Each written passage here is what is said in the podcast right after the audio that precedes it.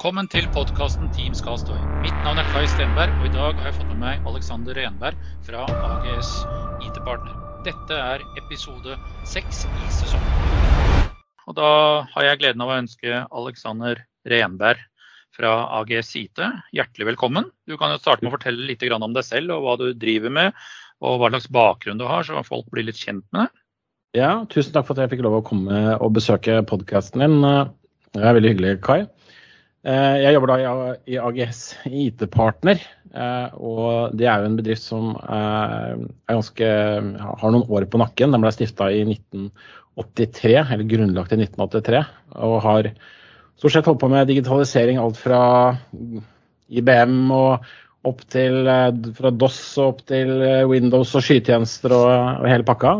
Men det vi jobber mest med i dag, det er jo da eh, digitalisering av SMB-bedrifter. Og spesielt av Microsoft 365 eh, og tjenestene rundt der.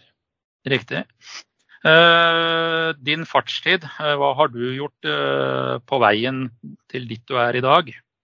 Ja, jeg har jobba som tekniker tidligere. Det er jeg ikke i dag, men jeg har en fartstid som tekniker i 15 år før jeg roa meg litt ned og begynte å slå inn på markedsføring og produktutvikling, forretningsutvikling og den type ting. Da. Så i dag jobber jeg veldig mye med, med vår prof, profilering utad eh, og eh, content marketing, rett og slett. Mm.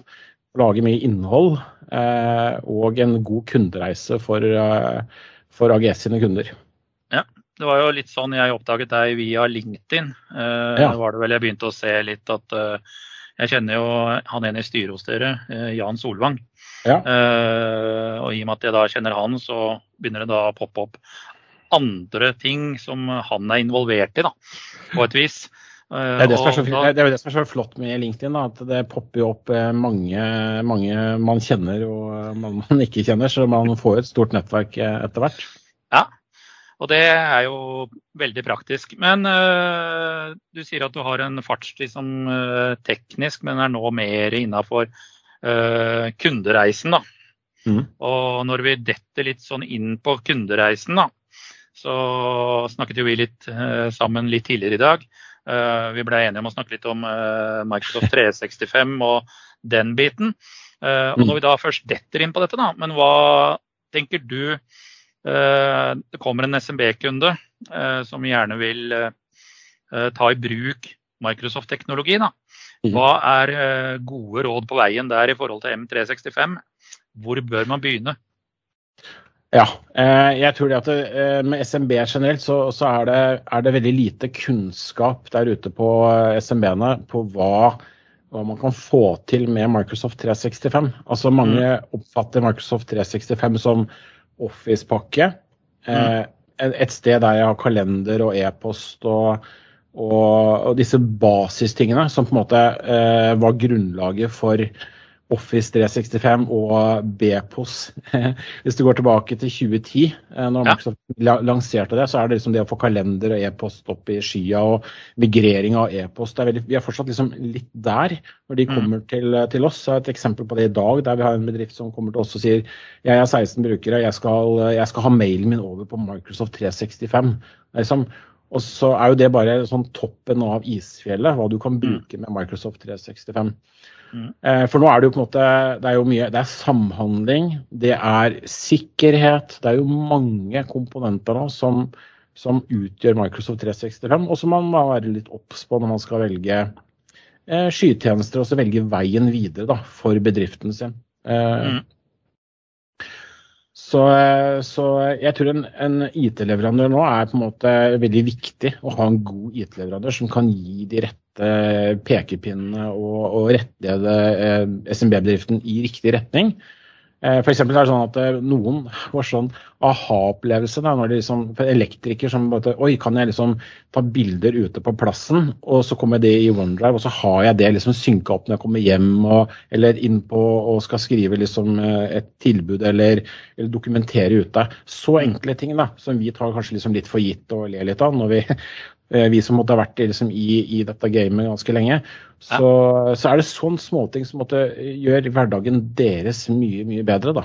Mm. Eh, ser det selv også, liksom. Eh, kan jo trekke eksempler til min familie, liksom. Eh, hvor alle sitter med hvert sitt eh, eh, Office-abonnement med OneDrive og alt det der. der og alt av synkronisering. Jeg har jo hatt noen uh, håndverkere på besøk som skal, da skal dokumentere for at jeg skal ha et dokument tilbake. Eller en mm. takstmann som kommer innom. Han drar jo bare opp uh, paden eller telefonen og tar de bildene han trenger, og så kommer en rapport. Absolutt. Og så er det kanskje det som nå har kommet så veldig mye med, med koronaen, som er mm. viktig. da. Altså, Ja, du kan lagre i sky. Altså, det, dette er liksom det, litt sånn det gamle budskapet som vi har hatt veldig lenge ute i kundene våre. At du kan lagre i sky, og du kan dele og samarbeide og sånt nå. Mm. Og så kommer Teams, da, som revolusjonerer det med hjemmekontor og jobbe remote hjemmefra og sånt nå. Mm. Og så kommer det kjempeutfordringer eh, oppå toppen av det da, med sikkerhet. Nemlig at ja. kunne liksom klikke, brukerne klikker på mye rart når de sitter hjemme og er litt sånn isolert og kanskje ikke har noen å spørre heller om er det lurt å klikke på den linken, har du fått den? ikke sant? Alt det der som vi gjør når vi er på kontoret. Ja. Så ser vi liksom at den, den, det kan bli litt farlig da, når man sitter mm. isolert og ikke helt vet hva man klikker på og sånt. Og, og det kan føre til, ja, til sikkerhetsbrudd og litt sånn kjedelige situasjoner for, for bedriften. Ja, jeg så jo var på var det Diggi i dag som skrev om Norsvin, som nå hadde blitt, uh, vært gjennom en runde med noe sånn kryptering av alt av infrastruktur osv. Ja. Det er jo kjedelig når andre krypterer dine ting. det er, det er veldig kjedelig. Det er bedre å gjøre det selv, ja. Ja, det er mye bedre å gjøre det selv. Så det med sikkerheten, og det ser vi også, det at den, den, den kunnskapen om at det finnes sikkerhetsverktøy, Mm. Eh, tofaktor og sånt noe, den tror jeg som at det er ikke det, den store kunnskapen der ute på SMB-er er ikke, den er ikke stor da, eh, på de tingene. Så det er, tror jeg er vår eh, evangeliske plikt å opplyse, opplyse, kunden om disse tingene. At det er, mm. er, mulighet til å få en god sikkerhet på plass. da. Ja, og sikre de dataene dine både med type labeling og sensitivity og ta de grepene. Og det er, som du sier, en SMB-kunde med 16 ansatte har ikke en dedikert IT-person. altså Det kjøper han som tjeneste. Ja, Så den der opplysningsplikten på en måte om hva tofaktor er, og bare det å få tofaktor, på en måte gjør jo at det er enklere for brukeren å liksom ikke bli lurt. da. Eh, mm. Enkle ting enkle som, som, man bør eh, opplyse om som, som IT-leverandør. Ja, jeg er helt enig. Helt enig. Og jeg ser jo det også fra den eh, sfæren jeg sitter også. Jeg sitter jo, som mange av dere der ute har fått med dere, jeg jobber jo primært i Teams. da. Og ser liksom uh, uh, hvor ting lagres osv. Og, jeg skal, et, jeg skal holde et foredrag nå 17.11. på Teams Online Day. Og samtidig som jeg har den sesjonen, så er det en som skal kjøre en uh, sesjon som man kaller spoiler, spoiler, alert. Your files are not uh, uh, in Teams, they are in SharePoint. Mm. Ja, det tror jeg også er en sånn viktig greie liksom det at, som, som, kan være utfordring for SMB. Det er sånn, Hvor er det egentlig jeg lagrer filmene? For Man hører om ja. OneDrive, man hører om SharePoint, så hører man om Teams. Og så er det tre forskjellige ting. Er det det samme? Liksom, mm. Hvor skal jeg lagre hva, da? Og hvor lønner det seg å lage de forskjellige tingene? Skal jeg mm. lagre noe i Teams på kanaler der, eller skal jeg lage noe i OneDrive? Skal jeg lage noe i SharePoint, slags felles mappestruktur? Altså, hva gjør jeg, liksom? Mm. Og det er jo også veldig sånn at det kan variere veldig mellom bransjer og behov og sånt også. Og der er det også, tenker jeg sånn at det, der må IT-leverandøren være en, en bidragsyter og, mm. og, fortelle liksom hva som er best practice i, i, i de forskjellige casene. Ja. Og så er det dette elvinnelige kjedelige, da. Lisenser. Ja, det er, det er, det kjedeligste av alt. Og det er, det er det sånn at uh, hver gang man tror man uh, kan dette her, ja. Så kaster Microsoft kortet opp i kortstokken opp. Og så får man en ny kabal eh, liksom uh, utlevert. Mm. Så må man lære seg nye ting. Og nå skjer det veldig mye på Microsoft på pris, prisinga. Det kommer ja. en helt ny struktur der som nesten ingen vet hva er for noe. jeg vet ikke om Microsoft selv vet det, hva de, hva, de, skal gjøre for noe. Men at det, det blir litt dyrere, og det blir litt Eh, man kan binde seg til ett og tre år og sånt noe. Så det blir spennende å se hva man, eh, hva man ender opp med. Mm. Og, ofte så kjøper man da lisenser, ikke sant? og så man, får man en faktura fra uh, leverandøren sin en gang i måneden. Ja. Det er jo en, en gjengs normalt. Men klart, når du da kan binde lisenser på type, da, så vil jo mm. helt sikkert Microsoft gi en eller annen rabatt for at du binder deg over så lang tid, og forhåndsbetaler. da. Ja, og det, og, det liksom, og det, er riktig. Man får jo da på en måte, Det skal være en fordel av å kunne binde seg i tre år og sånt. Også, ja. Men på den andre sida så er det liksom, liksom, litt imot det som vi har hørt i alle år, nemlig at du skal, du skal være liksom fri og frank. Du skal kunne liksom eh, eh, regulere antall lisenser etter behov og betale per måned og, og liksom eh, ja, Vil du liksom binde deg til Netflix i tre år, liksom? Altså, det, er, det er litt sånn. Altså, ja. Vi er liksom litt tilbake igjen til, eh, til sånne treårige OVS-avtaler og, og, sånt noe som vi hadde litt før. Så det er litt mm. sånn Er det et tilbakeskritt, eller er det Jeg vet ikke. Så det blir spennende å se. Uh, binder man seg til leverandøren sin i tre år da? Uh, det vet man heller ikke. Nei. Kan man da bytte leverandør underveis, liksom? Ikke sant? Det kan jo være årsaker til at man velger å bytte ut leverandøren. Eh, både av uh, forskjellige årsaker. Og hva mm. skjer da med den lisensen som du da har i utgangspunktet bindet til den CSP-forhandleren? da. ja, så det er jo et spørsmål som, som ikke vi har fått helt svar på ennå. Om, om, om, du da kanskje du skal gifte deg med leverandøren din i, i, i tre år. Det er jo ekteskap mm. som ikke holder så lenge engang. Så, så Så vi får se om det er en eh, Jeg syns jo kanskje at kunden skal være på en måte, ha mulighet ha den friheten da, til å kunne velge leverandør uh, i forhold til den som kan gi best support eller best rådgivning og sånt nå. Ja. Uh, og uh, betale for det den trenger. Det er liksom ja. min mening. Det er jeg helt enig i. Og der ligger det mye. Og så er det dette med support, som du sier. At man kommer inn på Eh, hva klarer eh, du som leverandør å bistå kunden med, både når kunden har problemer mm. eh, og finne løsninger på det relativt fort, selv om det finnes da supportkanaler via Office 365-portalen, eller M365-portalen. Ja, og det, det, tror jeg som sånn, for SMB-ere, så det som å stå og finne, google sjøl og finne ut og ja. sånt, og det, det funker dårlig.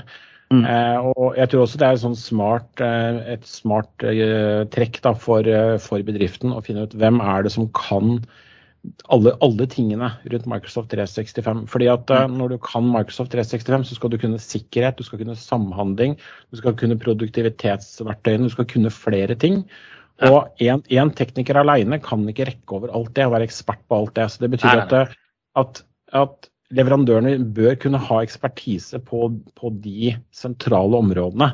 Eh, og ha eksperter på det, og ikke ha på en måte sånn jack of all trades-holdning der alle skal gjøre eh, alt. da. For det, ja. da får du på en måte kanskje ikke utnytta verktøyene så, så, godt. Nei, og det er jo en tankegang eh, som i hvert fall jeg har sett siden når jeg begynte i IT-bransjen, sånn i, midt på 90-tallet en gang. Mm. Da var jeg så heldig at jeg jobbet på et supportsenter hvor vi bl.a. var Microsoft Support. Mm. Uh, og det var en uh, interessant opplevelse, for da hadde du vi som kunne Windows 95, og som var fingerspits på det, med alt mm. det det innebar med registri og hele bøtta. Og så hadde mm. du de som var eksperter på type printere. Og så hadde du egne folk som satt og supporterte server-OS. Mm. NT 350 og senere etter hvert da NT 4.0. Mm. Eh, sånn at eh, du spesialiserte deg innen forskjellige felt. da. Mm. Det var litt av den reisen jeg begynte på når jeg eh, begynte i denne IT-bransjen. Jeg ble ansatt i det supportsenteret, for jeg kunne særegenheten OS2. Mm. det, det, er sært. Det er sært. det er veldig, veldig sært. Og når jeg da flytta tilbake til Norge, så begynte jeg i en bedrift, og da skulle jeg migrere fra OS2 LAN-server til NT 4.0. I fire land. Ja, utrolig. Ja, vet du hva? Eh, det, det, er jo som du sier at det, Men det som kanskje skiller liksom sånn at det, før så kunne jeg installere en NT-server, jeg kunne ha klienten. Jeg kunne ha liksom litt av at De store endringene var ikke der. Altså Det kom en serviceback hvert tredje år og noen små endringer og sånne ting. Det kom et nytt OS hvert tredje år eller sånt nå. Så man, hvis man leste seg opp litt på det, så kunne man liksom oppdatere seg og sånt nå. Men nå er det sånn rivende utvikling at det som på en måte jeg lagde en video på hvordan man gjør i Teams for et år siden, så ser ikke Teams ut sånn i det hele tatt. Så, så, så ting er liksom Det akselererer vanvittig. Og på sikkerheten blant annet, så er det sånn at det du satte opp kanskje en løsning på sikkerhet eh, for et år siden, nå er liksom innstillingen alt er jo helt annerledes eh, nå. Så det er liksom en mye mer sånn eksplosjonell eh, utvikling da, på at man må mm. holde seg tritt hele tida. Og, og, og skytjenestene de stopper liksom ikke. De kommer med noen oppdateringer og nyheter hele tida. Og det er liksom ikke en serviceback som, som kommer, kommer, en gang i året eller hvert andre år og sånt, og som bare liksom forholder deg til. Det kommer store endringer, da. Så, mm. så jeg tror at, eh, at Og så er det jo det at de små bedriftene nå får tjenester som på en måte er vært enterprise-tjenester. Mm. Ikke sant? Det er liksom at kompleksiteten i tjenestene er kjempesvære, egentlig. Men de får det på en måte nå tilgjengelig, det som, som de store har hatt i, i, i, mange år. da. Men, mm. men, kompetansen på de er kanskje litt den samme. At du trenger litt ekstra kompetanse da, for å få utnytta de tjenestene til det fulle. Mm. Og Det bringer meg inn på en litt annen tematikk. da. Eh, vi snakket jo litt om uh, sånn pre at vi Dette med kundereisen, da. Mm. Uh, og kundereise, f.eks. hvis vi ser på Teams, da. Mm. Som er liksom den uh, Fikk et realt oppsving med hjemmekontor, hjemmeskole osv. Ja. Og bruken av Teams har jo tatt relativt heftig av de siste 15-16 månedene, for å si det pent. Ja. Ja, den, har jo bare, den, den, har bare, ja, den bare eksplodert. Og så må mm. man si som, som, som IT-person at, eh, at, det er egentlig helt utrolig at uh, så mange har tatt i bruk en tjeneste så fort, mm. egentlig. Eh, så, det, så, det, er bare å, å liksom ta av seg hatten. At så mange vanlige brukere har tatt i bruk eh, møter, deling av filer og data og samhandling på så kort tid. Det er uh, helt utrolig. Ja, og jeg ser jo mye av den uh, reisen nå ikke sant, i forhold til uh, hva skal man vise, hva skal man tillate brukerne inne i Teams. Da. Jeg har jo mm. kunder som faktisk Vi har skrudd av dette med ekstern presence. For at de ønsker, spesielt innenfor advokatselskaper, Mm. Så er det veldig vanlig å gjøre at man ikke viser presence utad. Alle ser ut som de er offline. Men du kan fint chatte, du kan ringe til de, og du kan ha hele den veien inne. Eller sånn omvendt, alle ser ut som de jobber, så de kan fakturere. Ja. Mens internt i bedriften så ser de full presence. Der har de full ja. presence-kontroll. Så det er jo også noe man uh, kanskje bør se på. Uh, selv etter tips fra Ståle Hansen, på mobilklienten til Teams så kan du sette sånn uh, sleep mode på Teams. Mm. Mm. Uh, jeg har gjort det, for da slipper jeg alt av varsler. Men samtidig så har vi en vaktordning hvor telefonene kommer inn i Teams. De kommer uansett igjennom. Mm. Ja, det er jo kjempesmart.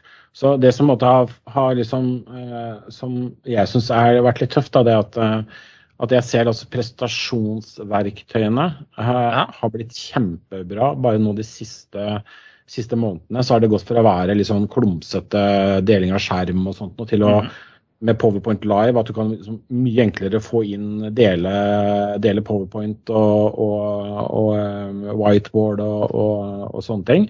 Mm. Og så ser jeg også det med, med som sagt, det å kunne laste opp filer og, og, og jobbe på filer i, i Teams, tenker jeg det, er, det har vært liksom en revolusjonerende måte å, å få kickstarta det på.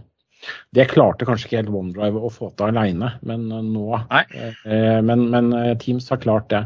Teams mm. har klart å bli en sånn eh, eh, allmennklient som alle kjenner til og vet hva er for noe. Og, og som mm. nesten blir sånn Nesten ser jeg på Teams, liksom. Det er blitt nesten et, uh, et uttrykk i seg selv. Jeg er helt enig. Og dette med PowerPoint Live er jo veldig spennende. Uh, hvor du faktisk kan tre inn i presentasjonen. Dere hadde vel en podkast uh, eller videosnutt på det, en sånn fredagsvideo eller noe sånt? Hvis jeg ikke husker helt feil? Ja, altså jeg er veldig glad i PowerPoint. Jeg elsker jo PowerPoint. Så, så alt som har med PowerPoint å gjøre, er jeg veldig glad i. Så nei vi, det er jo sagt, det har jo skjedd veldig veldig mye nytt uh, i akkurat det med å vise fram. Så du har jo fått vi har laga masse videoer om, om, det, for det har jo skjedd som sagt så mye nytt i det siste med, mm. med disse nye powerpoint, altså disse prestasjonsmodusene, der du kan være foran eh, eller ved siden av materialet du viser, med flott bakgrunn og sånt nå. Sånn side om side. Du kan være foran materialet. Og så har du det med Powerpoint Live. Det nyeste nå er at du kan trykke på en knapp i eh, Powerpoint og gå rett inn med prestasjonen i Teams-møtet ditt. Mm. Er jo fantastisk. Veldig veldig brukervennlig. Eh, du må huske på at eh, prestasjonen må være i OneDrive eller SharePoint når du gjør det. Eh, ja. Så har du ikke knappen, da leter du febrilsk etter den. Så det er, jo, det, det er jo veldig mye som skjer i forhold til det med presentering av, av materiale på Teams. Så det har vært helt mm. enormt. Med, jeg tror vi har laga liksom, nesten 50 videoer ja, bare om, om det totalt. Det er jo dødskult. Jeg så du hadde en video, det kan du kanskje fortelle litt om. Jeg har ikke fått sett den ennå. Men uh, som gikk på dette med PowerPoint Live og bruken av sånn pekepinner og sånt. Ja. Eh, laserpeker og, og penner i, i, PowerPoint Live, ja. ja. Du har jo fått, du har jo fått disse i, i liven nå, så har du muligheten til å, å ikke bare, altså Det som er tøft, er at du kan se møtenotatene dine på én skjerm. Du trenger ikke å ha mm. to skjermer å dele med det. Og så har du eh, muligheten til å bruke laserpeker, altså virtuelt eh, peke da på objekter og sånt noe i, på sliden din. Bytte mm. slider, uh, understreke ja, Litt sånn whiteboard-aktig uh, verktøy. da. Mm. Uh, som fungerer veldig veldig bra. Uh, fint når du liksom, sitter på Teams og skal peke liksom, på tavla, og, så, og så, så, tenker du at det er ingen som ser at, hva jeg peker på, så da må du jo må du ha et eller annet å, å bruke. Og det fungerer kjempefint. Mm. Kult. Det må testes ut. Det var et veldig Absolutt. bra tips. Absolutt. Når vi ser eh, litt eh, Vi har jo vært inne på litt nyheter og litt sånn forskjellig. Og så mm. i forrige uke, var det vel, 2. til 4. november, så var jo Ignite del to, som jeg velger å kalle det nå. Det var jo en Ignite i våres som var sånn fulloffisiell greie hvor Microsoft kom med enda mer tjenester. da. Blant mm. dette Mesh-greiene. da. Ja, eh, med, disse med, disse avatarene, uh, hvor du bruk, kan uh, bl.a. hvis du har HoloLens 2, da, mm. så kan du bruke HoloLensen til å være med inn i møter hvor alle er sånne avatarer. Mm. Hvor du kan bevege deg rundt i rommet osv. Det kommer jo da neste år for fullt til Teams, sånn at du istedenfor å ha en én-til-én-video, så kan du sette opp et, uh, kall det et kunstig rom med disse deltakerne, og så kan det, ser det ut som deltakerne går rundt. da. Mm. Det er litt kult. da. Ja, eh, og så som kan bli også sånn hypegreie. At man går, det man liksom. Ja, ja kan man, går man virtuelt rundt, og er det liksom det man syns er kult i fremtiden? Jeg vet ikke. Men uh, det, det jeg syns er dummest, er at jeg har ikke HoloLens 2, så jeg får ikke prøvd det. Det er det som er kjipt. Så ja. Ja, jeg har bedt om å få, få, en sånn, så får vi få se om jobben ja. åpner lommeboka og ja. catcher ut en. ja, Hvis du får en, da skal jeg også ha en. Også. Da skal jeg gå til min sjef også og si at uh, Kai fikk. Da får jeg også. Det må, det må bare anskaffes.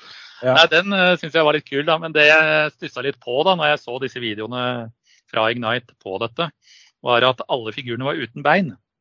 Ja, kanskje det er fint. De hadde bare overkropp, og da nå lagde jeg hashtaggen 'nolegs'. No legs, ja. ja. Kanskje det er fremtida, uten, uten, bein. Vi trenger ikke å gå noe sted. Vi, vi, er, bare, vi, vi er, bare, virtuelle alle sammen. Så da ja. trenger vi ikke å se, fra, se beina. Ja, og da gikk det noen kommentarer på at uh, ja, de ser jo ikke beina dine når du sitter på møter allikevel. det er akkurat det. Så de har tatt et skritt videre og tenkt at nei, men vi trenger jo ikke vise noen bein. Det er ikke noe nei. poeng å bruke prosessorkraft på det. Nei. Men uh, tjenesten uh, med den meshen var vanvittig kul. Så den bør eh, sjekkes ut på disse videoene fra Ignite. Og så slapper jo Microsoft denne boka si bestandig, da, som de gjør i forkant, eller idet konferansen starter. Hva er nytt? Og Det er et vanvittig dokument. Kan lastes ja. ned. Uh, og det er side opp og side ned. Uh, bruk søkefunksjon og søk etter hva du er på jakt etter. Ja, det er herlig når det er sånn, Når det er så sånn du får telefonkatalogen nesten Ja, det blir nesten sånn du orker nesten ikke, men Nei. Det er, men det syns jeg var dødskult. Og så kom de, slapp de jo da den eh, berømmelige bomba. da, At uh, nå skal de lage customer service. For jeg som jobber innafor telefoniverden, så syns jo det, ja, det var dødskult. Hvor de drar inn dette omnichannel-begrepet.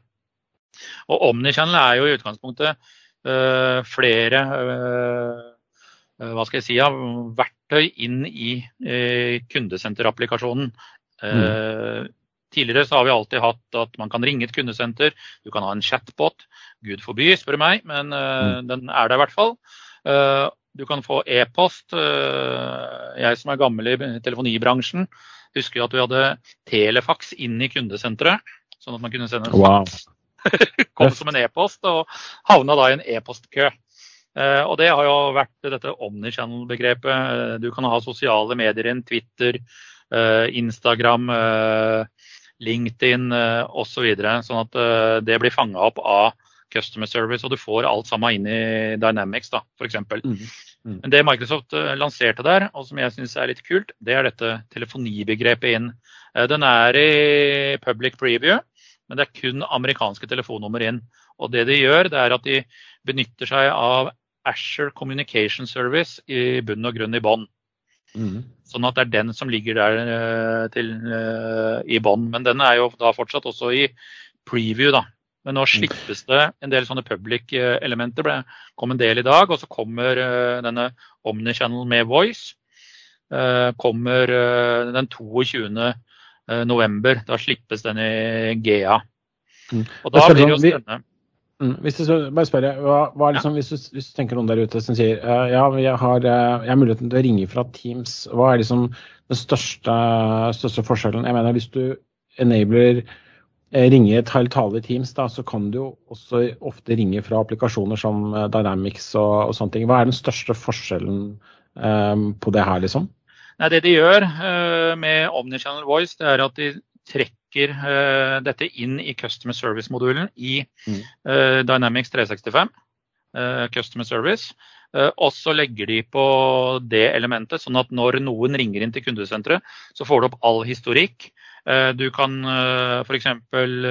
hvis du sitter i Norge og det ringer en fra England med engelsk tale, la oss si at du har engelske kunder, mm. så kan du kjøre transcript og oversettelse av spørsmålsstillinger direkte inn i Dynamics, sånn at du får det inn i loggen.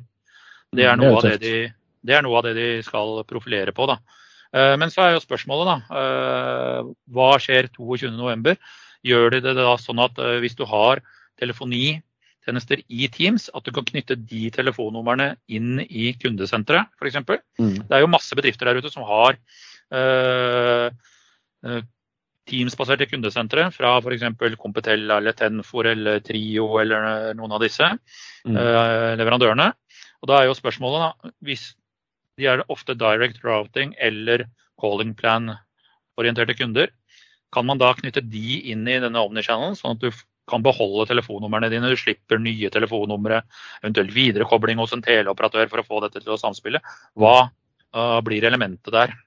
Mm. Men det er som du sier at eh, Når det er liksom amerikanske nummer, så er det på en måte, da er vi liksom, liksom ikke på beta-fasen, men vi er på 1.0-fasen.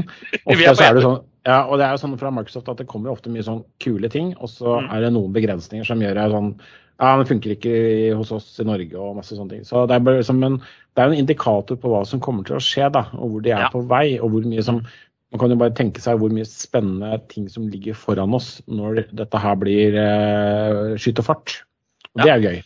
Det er veldig gøy. Og det er jo ikke akkurat noe Selv om du får den customer servicen inn, da, så, og hvis du allerede har Teams-telefoni da, med noen sentralbordtjenester osv., så, videre, så er jo spørsmålet da uh, Hva blir uh, ja takk, begge deler osv.? Blir det litt sånn Ole Brumm, eller hva ja. blir uh, tanken der, liksom? Det skal bli spennende å se. Ja, se om de har noen, noen plan på det. De har ja. helt, helt sikkert det. så da Igjen så er det sånn, Når det kommer nyheter fra Microsoft, er det bare å følge med og se hva som skjer. Eh, mm. Ofte så kommer det noen sånn, litt sånn enkle ting ut som er kult, men som ikke helt funker for oss, eller som er litt sånn annerledes. Og så blir det jo veldig bra etter hvert. Ja. Jeg ser jo dette med type voicemail f.eks. i Teams. Mm. Det er noe ja, 95% av brukerne som jeg har levert Teams-telefoni til, bare skrur av. Mm. Eh, for det er ikke i bruk. Nei, ikke sant? Og, og det er vel mer litt sånn uh, kanskje mer brukt nedover i Europa, sånn som i Norge. ikke sant? Og Det kjenner du sikkert til også og har uh, hørt en del om. Så er jo mobiltelefoni og Teams-telefoni er jo veldig ofte knytta sammen. Mm. For du har dette mobilt bedriftsnettstuket fra teleoperatørene, spesielt i, i Norge. Uh, hvor du har dette one number-greiene og viser ett nummer ut osv. osv. Og, og det, det ringer samtidig på begge ja, hender. Ja, ikke sant? og det kan være veldig slitsomt også, når det ringer ja. i alle bauger og kanter. For det, jeg ønsker kanskje å ha eh, mobilen, det er den jeg bruker, og det er den jeg skal mm. forholde til, og at ikke det ringer på mange rare nummer, virtuelle nummer og, og sånne ting. Eh, ja. så, så det er, men det er forskjellige brukscaser også i forskjellige sånn eh, Hva som er populært i forskjellige steder i Europa og sånt, og hva man er vant til, og, og hva, man, eh, hva, man, ønsker seg. Mm. Og så var det en ting til jeg la spesielt merke til i, eh, på Ignite. Og det var dette, disse ny, nye devicene som kommer på møterom.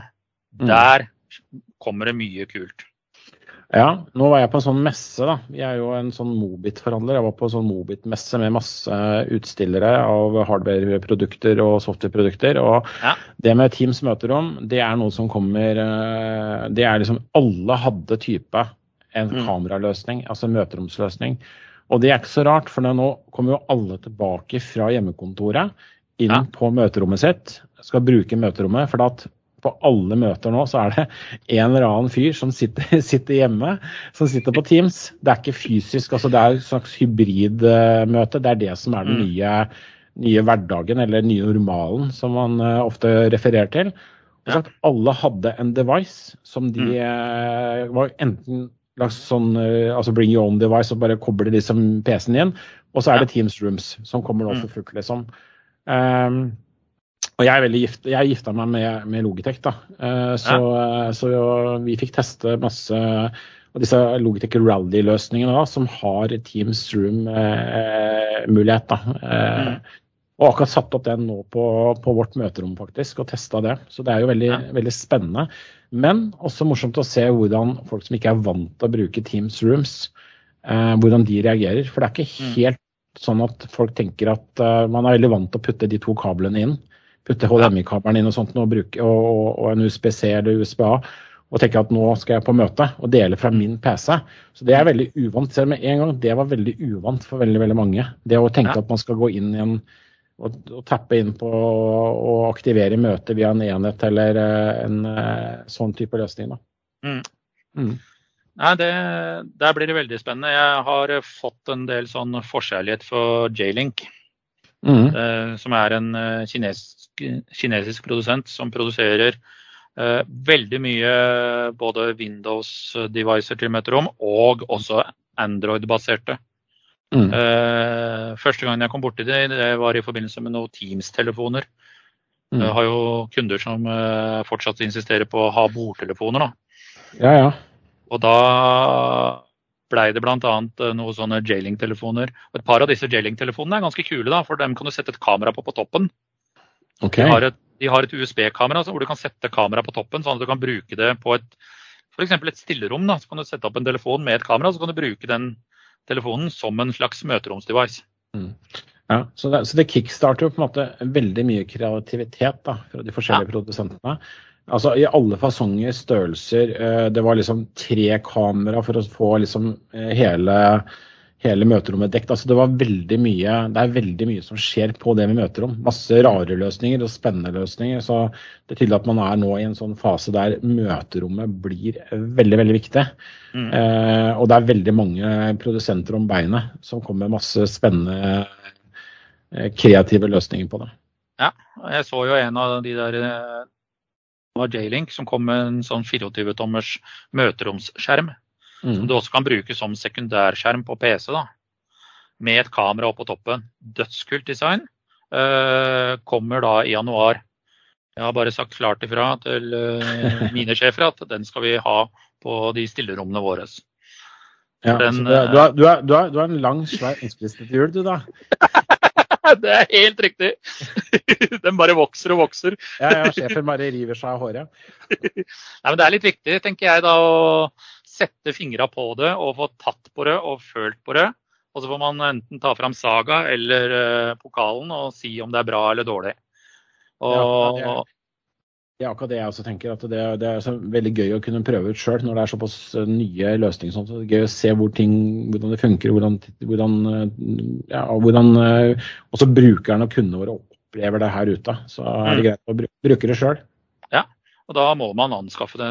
Jeg er jo såpass gadget-freak, så jeg har jo har jeg konkludert med hjemme at jeg hadde fire hodesett og tre kameraer og i det hele tatt. Eh, så alt jeg går ikke tom for eh, batteri på hodesettene, for å si det pent. Det er litt sånn perks med å jobbe i den bransjen, at du får mye utstyr etter hvert som du får lov til å teste. Det er litt gøy. Hvis du liker ja. å utstyr, så er det rette bransjen å være i. Da er det veldig rette bransjen, for å si det pent. Uh, skal vi se. Uh, vi snakket litt om uh, litt sånn brukeradopsjon. Jeg har jo hatt uh, opptil flere podkaster om det. Uh, men hva er dine tanker for å få til en god sånn kundereise og opplevelse? For kunden skal jo Jeg har jo jobbet i andre bedrifter hvor vi liksom allerede for seks-syv år siden begynte å snakke om dette med brukeradopsjon og få brukerne til å se gevinsten da, av mm. hva de skal. Hva er dine tanker rundt et sånt tematikk? Ja, vi har gjort noen tanker hos oss da på, på, hva som funker på det. Og vi ser jo det. Det er en så tydelig forskjell mellom en kunde som får opplæring og en kunde som mm. ikke får opplæring. Så, ja. Så hovedoppgaven er jo kunnskap, å gi bedriften kunnskap i eh, hvordan ta i bruk eh, disse verktøyene. Og det var det, var det vi snakka litt om innledningsvis også. Altså, ja. Hvis de ikke vet, så har du ingen mm. mulighet til å få dem til å aktivere eh, ting i, i, um, i, den løsningen de har. Mm. Så vi ser at det er sånn som kurs enten på Teams eller ute hos kunden, det er kjempeviktig. Å få til det er viktig, og det å bruke penger på det for bedriften er kjempeviktig, for gevinsten er så stor hvis du får det til. Ja. Eh, og så har vi på en måte vi tenkt at vi skal ha en innholdsproduksjon hos oss som skal være eh, både for eh, både for kundene våre og brukerne, altså gå på brukerne, kanskje ikke på daglig leder, men på brukerne. Der vi på en måte gir små drypp på funksjonalitet som, eh, som har kommet. Så man er obs på hva som, hva som eh, er der. For det, det å ha et statusmøte med kunden, og så ruller du opp en sånn svær scroll med 1000 ting som har skjedd i Teams. Ja. Nå skal du høre her, og nå kan du gjøre sånn og sånn. Det, det funker, synes jeg, funker dårlig. Så det kunne gi på en måte gode tips og triks da, underveis, som, mm. eh, som uh, brukerne kan se, som ikke varer så veldig lenge, kanskje to-tre minutter eller et eller annet sånt nå. Det har vært, vært ja. vår vei inn, da, vår guide inn.